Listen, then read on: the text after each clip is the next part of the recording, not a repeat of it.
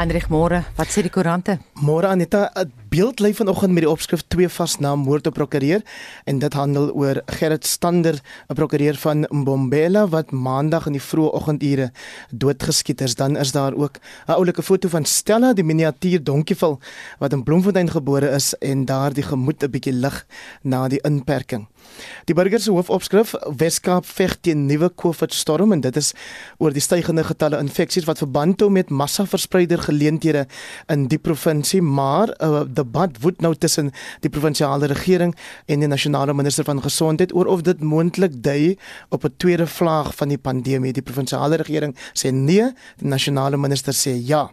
Josie Bini doen sie ons met juffrou Heelal wat besoek bring aan die Kaap, sy versier die voorblad en dan Volksblad lê met die opskrif kabinet agter SA boere en dit dui op die versekering wat gister deur minister Jackson Mthembu gegee is toe hy aan die media terugvoer gegee het oor Woensdag se kabinetsvergadering. En dan nuus uit Namibië, die Republikeinse uh, hoofopskrif is regulasies verander radikaal. Dit handel oor die verligting van die land se pandemie inperking en uh, die staatshoof uh, wat gesê het dat 'n noodtoestand steeds op die tafel is indien mense nie gehoor gee nie. 63% van klein sake in Suid-Afrika sê hulle besighede is nog nie heeltemal op dreef na die inperking nie. Dis een van die bevindinge van die marknavorsingsmaatskappy Ipsos wat verlede maand 'n peiling onder byna 800 sakelui gedoen het. SMME's het veral tydens die inperkingsperiode baie swaar gekry, tog het dit in sommige gevalle die beste in mense na vore gebring. Watter inspirerende verhale kan jy vir oggend met ons deel? Stuur 'n SMS na 45889 onthou dit kos R1.50 of gaan na facebook.com vorentoe skynstreep ZRSG of WhatsApp vir ons stemnota na 076 536 6961 076 536 6961 Baie belangrik vir sensitiewe luisteraars, die volgende berig kan jou dalk ontstel. So as jy kinders by jou het, sit die radio af. 'n Jong vrou het 'n video op YouTube geplaas waarin sy haar oupa en sy broer van Kaapstad van seksuele mishandeling beskuldig. Die bejaarde tweeling is albei voormalige opvoeders. Dis nie vir sensitiewe luisteraars nie. Ons waarsku weer. Tanya Krause doen verslag. In die 15 minute lang video met net haar skouers en die onderste helfte van haar gesig sigbaar, praat die jong vrou oor hoe haar oupa haar seksueel mishandel het. Sy verwys na inskrywings wat sy in haar joernaal gemaak het toe sy nog baie jonk was. He would say things like let's kiss like they do in the movies. He would lock me in the garage. I've woken up without underwear. In my first journal, but their entries were I'm scared, and I mentioned that my own grandfather, how he touches me, and that he wants to have sex with me, even though I had no concept of what any of these things were. Boekop gemeenskapsleiers sê hulle is geskok oor die beweringe.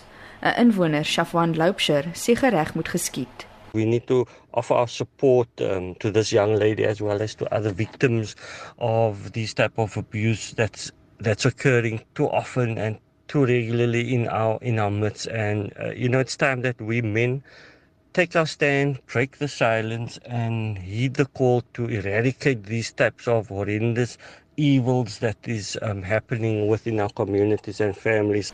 Die vrou sê sy is nie die enigste slagoffer van haar oupa en sy broer nie. They've abused girls in the family, in their wives' families. And I know that it's very easy for people not to believe it because of who they are and how well they're respected, the things that they've done for the community. Because whenever I would bring it up or talk about it, I was told to get over it, it's in the past. It's been decades and nothing has ever been done. Sy sê hoewel haar oupa gekonfronteer is, is hy nooit verantwoordelik gehou nie.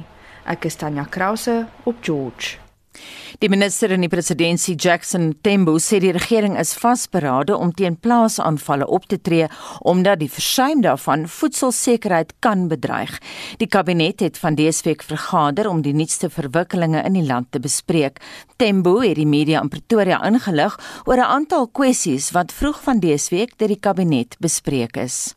Die betogings in Senekal in die Vrystaat na die moord op die plaasbestuurder Brendan Horne is 'n bron van kommer vir die regering.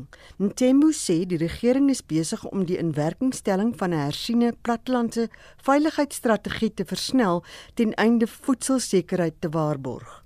Threat not only to the personal safety of farmers and farm workers but also to the country's food security. Government is fast tracking the implementation of the revised rural safety strategy to respond to the security needs of rural communities and support socio-economic development. Ntembu het ook bekend gemaak dat 'n sogenaamde herstelraad onder leiding van president Cyril Ramaphosa self geskep gaan word. Die raad sal elke maand vergader om die vordering van die groei van die ekonomie te assesseer. The council will be chaired by the president and comprises the deputy president, minister in the presidency and all ministers in the economic cluster. Of course, other ministers will be invited uh, from time to time when the need arises. The Council will meet monthly to oversee implementation of the Economic Reconstruction and Recovery Plan and also to interface with our social partners in NEDLEC. Ntembo het alle Suid-Afrikaners versoek om voort te gaan om COVID-19 gesondheidsprotokolle na te kom ten einde die verspreiding van die virus te beperk. Hy sê die besluit van die kabinet om die nasionale ramptoestand tot die 15de van volgende maand te verleng is 'n poging om te verhoed dat die land nie 'n tweede golf koronavirus-infeksie ervaar nie. As the country adapts to the new normal of coexisting with COVID-19 and a possible resurgence, Cabinet once again urges all South Africans to continue adhering to the health protocols of wearing masks. We are very concerned as Cabinet. Die regering het die meer as 1 miljoen matrikulante sterkte met die eksamen toegewens. Ntembu sê die departement van basiese onderwys het ekstra moeite gedoen om seker te maak dat hierdie jaar se matriekeindeeksamen sonder enige foute plaasvind. Abongile Dumaku het hierdie verslag saamgestel. Mitsi van der Merwe, SAK-nuus.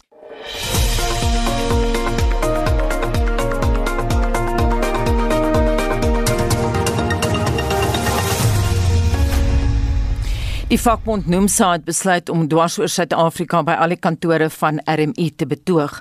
Die RMI is 'n werkgewersliggaam wat hoofsaaklik komponentvervaardigers in die motorbedryf verteenwoordig. Nomsa se woordvoerder, Pakameli Globi, sê hulle lede wat onder RMI val, is keelvol omdat hulle die laaste jaar nie 'n loonooreenkoms by die motorbedryf se bedingingsraad kon sluit nie. Vincent Mofokeng het die besonderhede. Nomsa sê dat hulle nie 'n leunooreenkoms by die motorbedryfsbedingingsraad kon bereik nie weens die gedrag van die werkgewersliggaam RMI. As gevolg hiervan het werkers wat in diens is van die komponentsvervaardigingssektor nog nie die salarisverhoging van 8% ontvang nie. As a result, workers in this sector have not yet received the 8% increase which was secured in January last year, and this applies particularly to workers who fall under RMI. The committee at MIPCO should have met by now in order to endorse the agreement so that it can be gazetted with the Department of Employment and Labour. But as we speak, the RMI has indicated that they are not available to attend the MIPCO Council for the next two months, which includes October and November this year. And the problem is that this meeting is crucial because it will allow parties on the council to endorse the agreement so that it can be gazetted and the increase can then be implemented. We condemn the RMI for its actions. Because of them, workers who work for component manufacturers cannot receive their increase. NUMSA is die meerderheidsvakbond by die bedryfsraad van MIPCO. Groebi sê die grootste probleem is dat MIPCO die afgelope 2 jaar geen hoofsekretaris gehad het nie. NUMSA represents about 70,000 workers in the motor sector as a whole, and we're the majority union at MUPCO. One of the biggest problems that we have is that MUPCO as, an, as a, bargaining council is dysfunctional and it has not had a general secretary for the past two years. The absence of a general secretary has had a very negative impact on MIPCO. And um, if there was a general secretary, there would be a permanent head to coordinate meetings and ensure that processes at the council are executed properly. The absence of the GS has paralyzed MIPCO, and this serves the agenda of the RMI because then decisions cannot be properly Im- implemented. In fact, part of the reason why there is no GS is because RMI is refusing to approve the appointment of this general secretary. Hulle sal nou 'n nasionale staking in verskeie provinsies loods. So really the RMI is frustrating our members on many many levels and this is why as NUMSA we've resolved to organize pickets in Gauteng, Western Cape and KZN. Pickets will take place on Tuesday the 27th of October from 10 to 1 p.m. We will hand over a memorandum of demands at each venue to the management of the RMI. The picket will also include a handover of memorandum to MIPCO because they also have to be part of solving this crisis, which has basically rendered the bargaining council dysfunctional. Dit was NUMSA se nasionale woordvoerder, Pagamile Hlubi Majola. Vincent Mufokeng, SAIGanis. Andre Gelyk jou terugvoer. Anita, so ons praat vanoggend oor navorsing deur die maatskappy Ipsos wat daarop dui dat meer as 60% van klein sake in Suid-Afrika sê hulle besighede is nog nie heeltemal op die been na die inperking nie. Dis natuurlik klein, medium en middelslag ondernemings oftewel KMMO's en hulle het vir altyd in se inperkingsperiode swaar gekry. Karen Tromp laat weet dat KMMO's is die ruggraat van ons samelewing. Dis net jammer die regering het duisende van hulle verwoes met die grendeltyd. En dan Nicoline Smalman wat sê sy bedryf nou wel nie 'n uh, KMMO nie, maar sy wil getuig van Paasvrydag hierdie jaar toe sy tydens vlak 5 van inperking siek was met 'n maagvirus, vroegoggend dokter toe is en haar buurt se asblikke word Vrydag leeggemaak en sy sien toe hoe haweloos is daar krap vir kos. Dit het haar geïnspireer om nou elke Vrydag 'n hele brood, so vars toebroodjies vir behoeftiges uit te deel en sy beskou dit as 'n openbaring of as 'n hoogtepunt van haar 2020 jaar.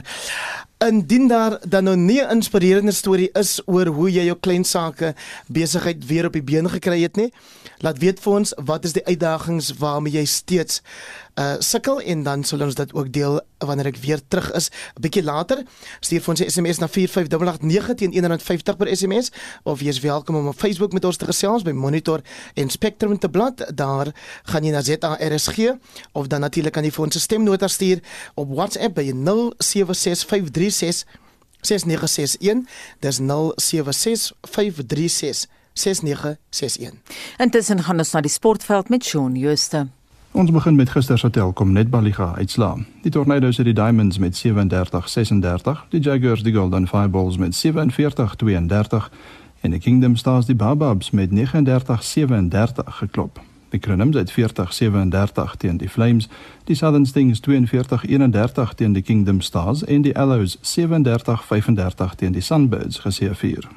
Rugby In die plaaslike Super Rugby reeks speel die Pumas vanaand 7uur in Nelspruit teen die Stormers en Pieter van den Berg doen verslag. Die Lions kom môre middag half 5 in Johannesburg teen die Cheetahs te staan met Johan Rademan wat vir 'n kommentaar sorg. En die Bulls en Sharks stakel mekaar die aand 7uur in Pretoria met Dion Skuman agter die mikrofoon saam met Jody Hendricks. Op die tennisbaan het Suid-Afrika se Lloyd Harris sy tweede ronde wedstryd in België teen die Amerikaner Taylor Fritz met 7-5 en 7-6 gewen. En Ryan Klassen, ook van Suid-Afrika en sy spanmaat Ben McLaughlin van Nieu-Seeland, het na die halfeindstryde in Duitsland deurgedring nadat hulle Jurgen Melzer van Oostenryk en die Fransman Edouard Roger Vassela met 7-5 en 6-4 uitgeskakel het. Op die golfbaan is die plaaslike Jacques Blau en Keenan Davidson en die Griek Pieter Karmus op 5 onder die gesamentlike voorlopers na die tweede ronde van die Sonskynreeks se Willekes uitdaging in Port Edward. Sebastian Muniz van Colombia het die voortou na die eerste ronde van die Zozo Kampioenskappe in Lake Sherwood geneem en staan op 8 onder. Suid-Afrika se Dylan Fratelli is gesamentlik 4de op 6 onder. Die Engelsman Laurie Canter begin vandag se tweede ronde van die Italiaanse Ope as die voorloper op 12 onder en Suid-Afrika se Dean Bummister is gesamentlik tweede op 8 onder. By die vroue dryfbaan kampioenskappe is Suid-Afrika se Ashley Buy gesamentlik 45ste gelyk aan die baansyfer na ronde 1. Die voorlopers is die Amerikaners Danielle King en Jennifer Song op 7 onder. Op die cricketveld het die Sunrisers Hyderabad die Rajasthan Royals gister in die IPL reeks met 8 paltjies afgeronsel. Die Mumbai Indians en Chennai Super Kings bak mekaar vanmiddag 4uur in Sharjah. Die Protea spelers Quinton de Kock stap vir Mumbai en Faf du Plessis vir Chennai op die veld uit. Fietsry. Wilco Kelderman van Nederland is die algehele voorloper in die Giro d'Italia na 18 skofte en is 12 sekondes voor die Aussie Jai Hindley in die tweede plek. Die Brit, Hou Geoghegan is derde met Suid-Afrika se Louis Mentjes nou 38ste. Die toer kom Sondag tot einde. Daniel Martin van Ierland het gister sy derde skop van die Vuelta a España gewen en is nou net 5 sekondes agter die voorloper Primož Roglič van Slovenië. Richard Carapaz van Ecuador is derde en Suid-Afrika se Stefan de Bot klim na 70ste. Sokker. Van die tellings in gisteraand se Europese liga wedstryde was Rapid Vienna 1 Arsenal 2, Young Boys 1 Roma 2 en PSV Eindhoven ook 1 Granada 2. Celtic 1 AC Milan 3 en Tottenham Hotspur 3 Lask 0. En laastens in motorsportnuus herinner ons graag dat die Formule 1 seisoen hierdie naweek in Portugal voortgesit word en Spanje bied 'n tweede agtereenvolgende MotoGP wedren in Aragon aan. Shaun Schuster is IK Sport. Die DA sê sy virtuele verkiesingskongres wat aan die einde van die maand plaasvind, sal die mees toeganklike in die geskiedenis van die party wees. Sowat 2000 deelnemers aan die kongres sal die nuwe leiers van die party verkies. En ons praat nou met een van die voorsittende beamptes van die kongres, Desirey van der Walt. Goeiemôre Desirey. Goeiemôre Anita en luisteraars. Nou ons weet die kongres is nou al van tevore uitgestel. Dit gaan nou voort as 'n virtuele kongres. Hoe gaan julle dit aanpak? Ja, inderdaad. En um, ek dink dit is uh, 'n uh, geskiedenis wat ons maak. Ons het ehm um, hibriede lokale, uh 39 van dit reg oor die land. 2139 afgevaardigdes en omtrent 800 van hulle, net bietjie meer, gaan by hierdie hibriede lokale stem en die res van ons afgevaardigdes het verkies om op hulle uh, eie toerusting tuis uh, die kongres te volg en te stem. En by elke hibriede lokaal is eintlik 'n volledige stemlokaal soos ons dit ken en soos by elke ander kongres sal daar kieserslyste wees. In hierdie geval spesifiek gaan ons uh, volledige COVID-19 voorsiening daar hê ons gaan adjunkvoorsittende beamptes hê. Daar gaan uh, skerms wees. Daar's 'n rekenaar vir ongeveer elke 8 afgevaardigde waarop hulle die stemme kan uitbring vir leierskap. Ons gaan ook stem op 'n uh, uh, vir ons grondwetlike veranderings in die party resolusies wat gemaak word. En ook by hierdie ehm um, sal ons 'n uh, voorsteller uh, mense wat sekondeer drie sprekers mense wat op al hierdie resolusies en veranderinge van die grondwet wil stem, het vooraf geregistreer en in geheel is die uh, kongres jy moet jy moes uh, afgevaardigde wees wat deur jou strukture verkies gewees het om by te kan woon. Ons het ehm um, uitgenooide gaste wat sal bywoon. Ons het eh uh, die no die normale dinge eh uh, niks het verander nie behalwe dat dit nou virtueel plaasvind en dit gaan net so opwindend wees soos enige ander kongres. Dis reg as jy bietjie korter kan antwoord ons baie vra. Daar is baie belangstelling onder die publiek oor julle nuwe leiers. Watter poste word betwis? Ons gaan kies vir 'n nuwe leier, 'n federale leier. Dan gaan ons kies vir 'n uh, 'n voorsitter van die party. Dit is op die oomblik word dit uh, is dit Dr. Ivan Meyer. Daar's nie 'n ander kandidaat nie. Vier adjunk federale voorsitters en dan ook sal die lede wat deel is van die federale raad van die party sal 'n ekstra stembrief hê en hulle sal stem dan vir die federale raad voorsitter. Daar is twee kandidate en ook vir twee adjunk federale raadsvoorsitters. Kom ons praat 'n bietjie van die posisie van federale leier. Hoe het julle daardie proses bewerk tot nou toe? Op die oomblik, ehm um, natuurlik was daar 'n uh, nominasieperiode gewees waar lede ehm um, iemand kon nomineer en die persoon kon nominasie aanvaar. Ons het uh al die kandidate bymekaar, ons het ons stembriefies getrek in watter orde die name daarop sal verskyn. En vir hierdie ehm uh, uh daar's gereelde vergaderings met al die kandidate in enige posisie gehou om hulle die heeltyd op datum te hou van wat gebeur by hierdie uh kongres sodat niemand uitgelaat word nie. Daar is ook in die komende week twee sessies vir die federale leier waar hulle uh met die afgevaardigdes sal praat en vrae beantwoord. Dit word deur 'n moderator gehanteer. Daar sal vrae wees uh um uit uh die DA beleid natuurlik ensovoorts, die pligte van hierdie posisie en dan sal afgevaardigdes geleentheid kry om vrae te stel. Ons doen ook dieselfde met die federale uh adjunkvoorsitters. Hulle kry ook 'n beurt hierdie week om om vrae te beantwoord sodat ons seker maak ons afgevaardigdes 'n geleentheid kry om vrae te stel.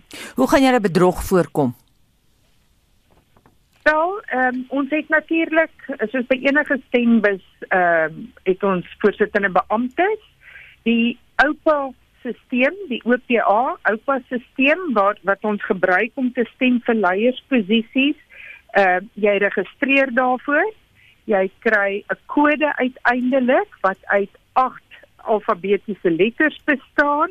Dit kan net eenmaal gebruik word. Jy kan nie twee keer nie. Ons het so 'n week of wat terug 'n uh, 'n uh, oefenloopie gehad en daar was mense wat dit doelbewus probeer toets om seker te maak en jy kan beslis nie 'n tweede keer stem nie. Aan die einde van Saterdag word hierdie toegesluit en Sondag word dit weer oopgemaak en ehm um, in orde geplaas voordat die afkondigings gemaak word. Dis reg net reg net laasens is daar ander sake op die agenda. Ja natuurlik. Ons het die uh, moontlike veranderings aan ons uh, DA grondwet, ons het resolusies, daar word ook verskillende verslae uh, uh, op die tafel gelê. Uh, dis nie vir bespreking nie, maar ons moet verslag doen aan ons kongres wat ons hoogste gesag is. En natuurlik sal daar 'n uh, bietjie ontspannende items ook wees. Ehm um, ja, dit ons sien almal vreeslik uit na hierdie opwindende geleentheid. Baie dankie en Susie, een van die voorsittende beamptes van die DA se verkiesingskongres, Desiree van der Walt. Die DA in Gauteng het die Gautengse ALR vir gemeenskapsveiligheid, Faith Mazibuko gevra om ondersoek in te stel na beweringe dat die honde van die Ekurhuleni Metropolisie se K9 eenheid hulle aftree ouderdom bereik het. Hierdie honde word egter glo steeds gebruik. Die DA burgemeesterskomitee lid Jaco Ter Blanche sê hulle word betroubaar ingelig dat een hond verlede week dood is en dat die EMPD slegs 9 honde oor het. Die grootste probleem by die honde eenheid van die Ekurhuleni Metropolisie is dat al die honde is al oor 10 jaar by die eenheid. Wat dit beteken is dat die honde moet gaan vir aftrede. Honde wat moet gaan vir aftrede is honde wat ouer as 8 jaar is. Want dan begin hulle liggame nie meer die ehm um, stres hanteer wat van hulle verwag word nie en hulle begin foute maak. Die probleem wat ons mee sit is dat daar is nie nuwe honde wat inkom nie.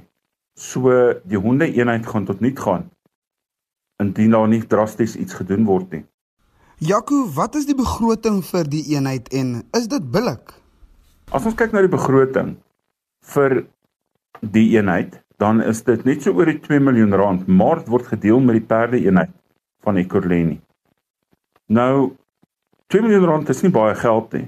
As jy kyk dat jou mediese onkoste is om elke jaar hulle na na dierehospitaal toe te vat vir hulle mediese ondersoeke dan kom ons al reeds by 100 000 rand uit. En om vir hulle te sorg dat daar kos is, kos en water en dat hulle goed versorg word, dan is dit klaar 1.3 miljoen rand later. So ons praat al klaar van 1 van 1.4 1.5 miljoen rand. Dan het ons nog nie eers toerusting gekoop nie, soos bandjies en kettinge om hulle mee vas te maak om mee te loop nie. Jy het ook nie petrol in die voertuie en onderhoud op die voertuig gedoen wat die wat hulle vervoer nie en jy het ook nie onderhoud op hulle hokke gedoen nie. So ja, dan is jy 2 miljoen rand daarmee heen. So daar's duidelik nie geld vir nuwe honde nie. Dis belangrik dat daar vars honde gereeld inkom. Honde wat jonger as 8 jaar is. Nou wat sal dit kos om vir die honde te sorg en hoe kan die probleem opgelos word? Daai tipe honde kos tussen 15 en 80 000 rand en dit moet van 'n gekwalifiseerde hondeskool kom wat geakkrediteer is by 'n CITO dat hulle wel die opleiding kan doen. My voorstel is om die probleem op te los is dat daar hondeskole reg in in die provinsie is wat honde oplei en teen 'n lae koste honde verskaf aan die aan die munisipaliteite se polisie diens sowel as aan die Suid-Afrikaanse polisie diens sodat daar gereeld kwaliteit honde deurkom. En jy het altyd goeie honde in die honde ene en die honde eenhede En so sê Jaco Terblanche as 'n DA burgemeesterskomitee lid vir gemeenskapsveiligheid in Ekurhuleni en hy het met Vincent Mofokeng gepraat. Dis nou 6:49. Een van die raaisels van die aarde is wanneer die volgende rotering van die planeet se magnetiese veld tussen noord en suid weer gaan plaasvind. Volgens ons wetenskapskorrespondent George Clausen het wetenskaplikes van Japan moontlik 'n verklaring. Wel, die studie is deur geofisici van Japan in die vakjoernaal Progress in Earth and Planetary Science gepubliseer. Hulle verduidelik mooi dat die aarde se magnetiese velde swaai ongeveer elke 200 tot 300 000 jaar om. Maar die magnetiese pole het nie verander sedert die laaste magnetiese omkering ongeveer 773 000 jaar gelede nie. So ons wag eintlik nou vir dit weer behoort te gebeur. Daardie omkering van 773000 jaar gelede staan bekend as die Brunes-Matuyama omkering. En is genoem na Bernard Brunes, 'n Franse geofisikus en uh, Motonori Matuyama van Japan.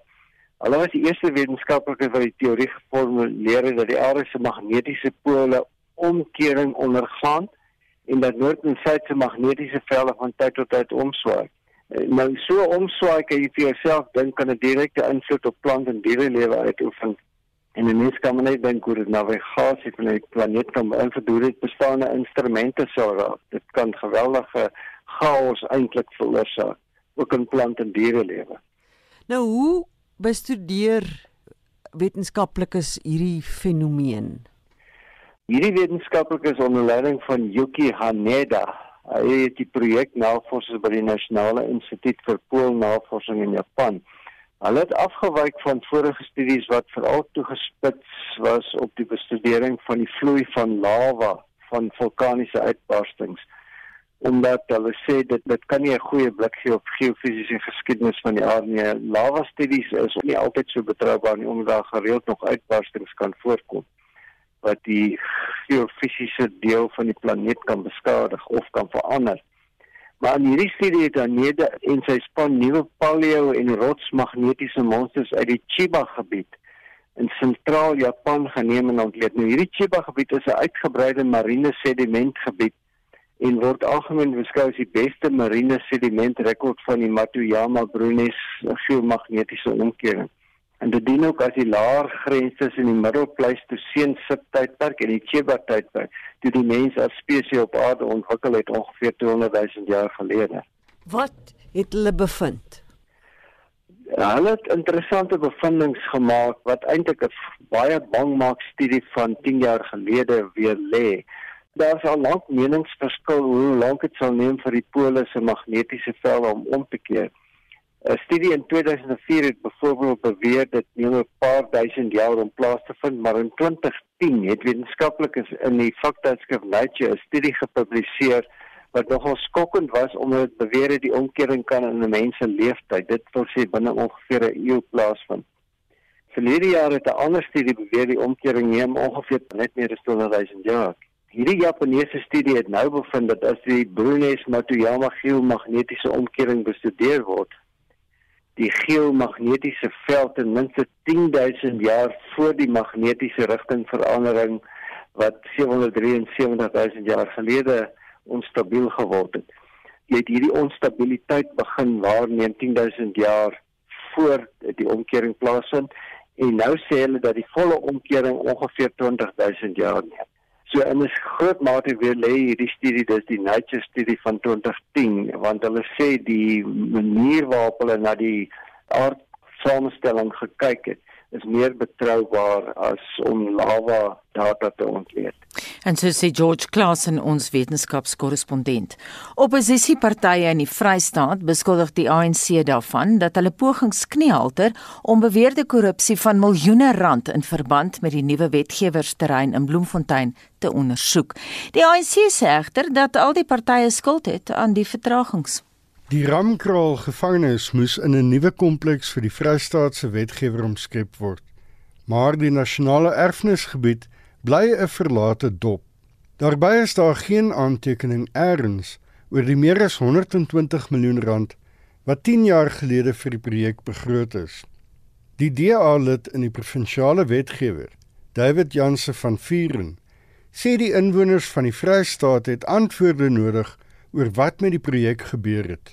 Yes, the problem there is there's already 120 million spent on this project. I mean, one of the uh, uh, they demolished some of the building. It's a heritage site. They did not go through all the processes to actually get permission to uh, demolish or build this new complex there, and it's a long process to go through. They also paid for a fence, and if you go there now, I mean, we've got uh, pictures and we've been there with all the media houses the previous uh, time also, and there's nothing. There's there's no fence there at the moment. If we talk about value for money, what what had happened with this, that money? Where where has it been spent? Die Vryheidsfront Plus lid van die provinsiale wetgewer, Dever Smit, sê dat die verantwoordelikes rekenskap moet gee.